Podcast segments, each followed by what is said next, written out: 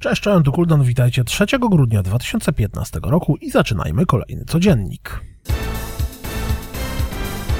Red Game Without a Great Name, czyli szybka, arcade'owa i zarazem trudna gra o teleportującym się steampunkowym ptaku, już 9 grudnia zadebiutuje na Steamie. Sprawdźcie zwiastun.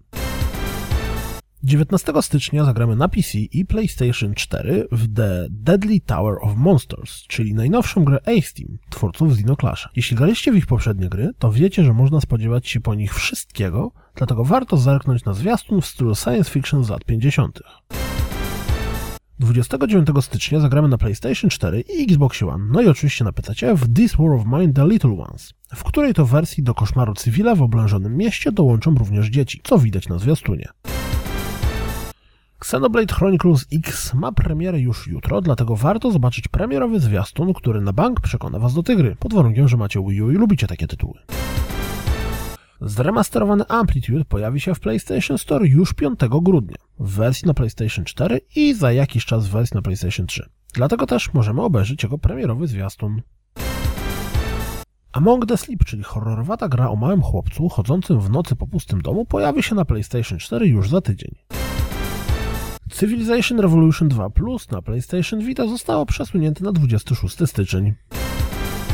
Na tajwańskim systemie ratingowym pojawił się Dirt Rally w wersji na Xbox One i PlayStation 4. Również w tajwańskim systemie ratingowym pojawił się Rocket League w wersji na Xbox One.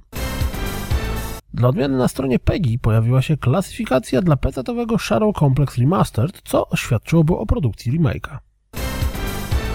Kilka dni przed końcem zbiórki na Indivisible Mix RPG z chodzoną bioteką 2D przekroczyło próg 1,5 miliona dolarów, otrzymując status fundowanej. Jej! Ruszyły zapisy do zamkniętej bety Black Desert Online. Jeśli wypatrywaliście tego tytułu, to spróbujcie szczęścia z rejestracją na stronie gry. Wszyscy fani MGS-a i Kojimy koniecznie powinni sprawdzić wywiad z Donną Burkę, w którym mówi sporo o pracy przy grze, ale również snuje przypuszczenia co do przyszłości Kojimy. Poznaliśmy kilka szczegółów na temat gry Vampire, kolejnej produkcji Don't Not, która będzie mrocznym RPG o wampirach.